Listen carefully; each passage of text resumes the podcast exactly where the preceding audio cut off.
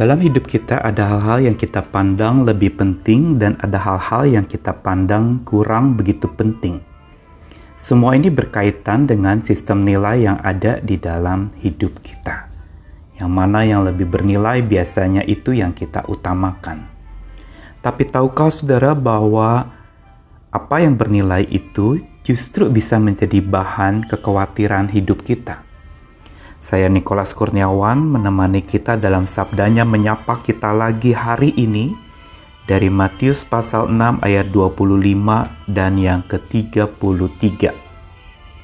Karena itu aku berkata kepadamu janganlah khawatir akan hidupmu, akan apa yang hendak kamu makan atau minum, dan janganlah khawatir pula akan tubuhmu, akan apa yang hendak kamu pakai Bukankah hidup itu lebih penting daripada makanan, dan tubuh itu lebih penting daripada pakaian?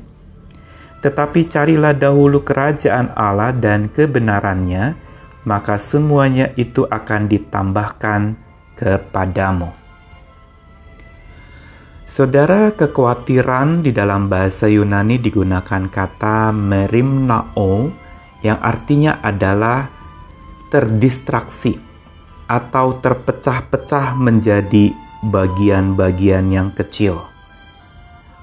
Tercerai-berai. Itu arti kata harafiah dari kekhawatiran di dalam versi bahasa Alkitab.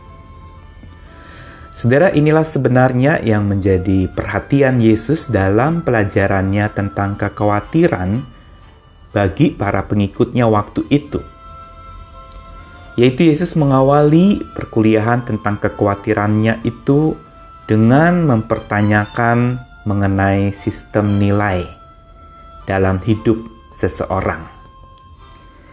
Digunakan kata bukankah hidup itu lebih penting daripada makanan dan tubuh itu lebih penting daripada pakaian. Lebih penting yang berarti bicara lebih bernilai tinggi dipandang oleh seseorang. Yesus ingin menjelaskan dan menegaskan tentang perbedaan antara kehidupan dan penghidupan. Kehidupan itu bicara soal tubuh, bicara soal jiwa, bicara soal sesuatu yang lebih luas. Perasaan, pikiran, kita masih punya selera makan, kita masih bisa bernafas, bergerak, bicara kesehatan tubuh kita. Itu bicara kehidupan. Tapi yang dikhawatirkan orang pada waktu itu dan juga masa kini lebih banyak perkara penghidupan. Makanan, minuman, pakaian, dan perumahan atau apa saja yang kita pandang itu sebagai cara untuk memelihara hidup. Dan Yesus ingin menegaskan tentang hal ini. Kehidupan dan penghidupan yang mana yang lebih penting? Dia mau mengajarkan kepada para pengikutnya untuk mempunyai cara pandang yang benar dalam melihat segalanya, proporsional. Dan inilah yang justru harus dimiliki oleh setiap kita dalam mengatasi kekhawatiran kita. Dan dari hal-hal yang lebih penting dan yang kurang penting, Yesus ingin mengajak kepada kita untuk berpikir. Misalnya, saya menganggap penghidupan saya lebih penting, harta benda saya lebih penting, kebutuhan hidup saya lebih penting, maka saya akan terus berjuang untuk bagaimana mendapatkannya. Dan ketika itu hilang atau ketika itu berkurang, saya mulai khawatir dan saya mulai kembali berjuang lagi untuk mengembalikan apa yang sudah hilang itu, apa yang sudah berkurang itu.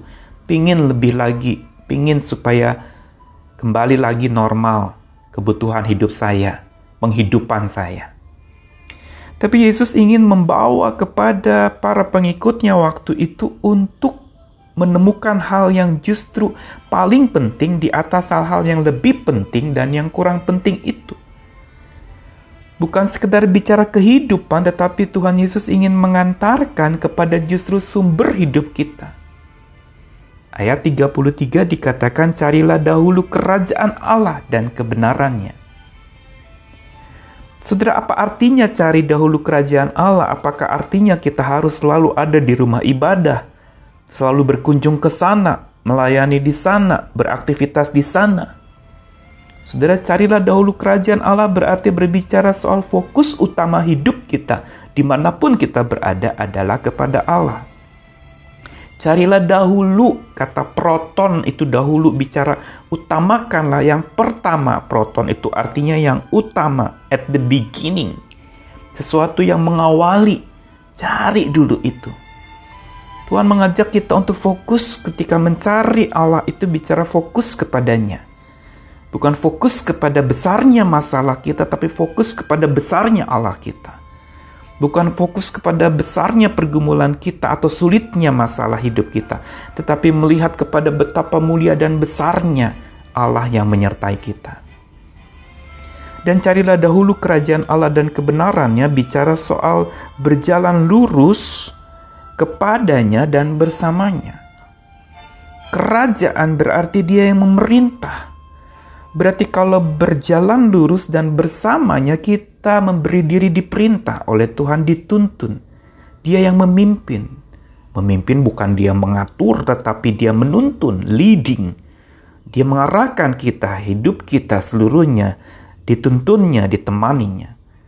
Hanya sering kali kita dalam kekhawatiran kita salah fokus dan kita mencari hal-hal yang kita pikir itu bisa menyelesaikan masalah, tapi kita tidak berjalan lurus dan kita tidak kepadanya dan bersamanya di dalam mengatasi segala pergumulan hidup kita. Fokus dan lurus. Inilah hal yang paling penting dan inilah sebenarnya cara penyelesaian kekhawatiran kita yang Tuhan Yesus ajarkan lihat kepada yang paling penting di atas yang lebih penting itu.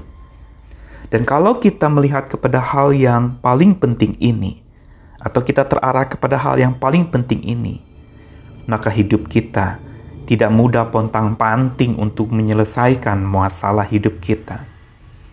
Maka hidup kita tidak mudah genting, tidak mudah ada dalam bahaya, tidak mudah kita menjadi tegang di dalam kehidupan kita tetapi hidup kita karena utamakan hal yang lebih penting, maka kita menjadi tahan banting di dalam menghadapi masalah.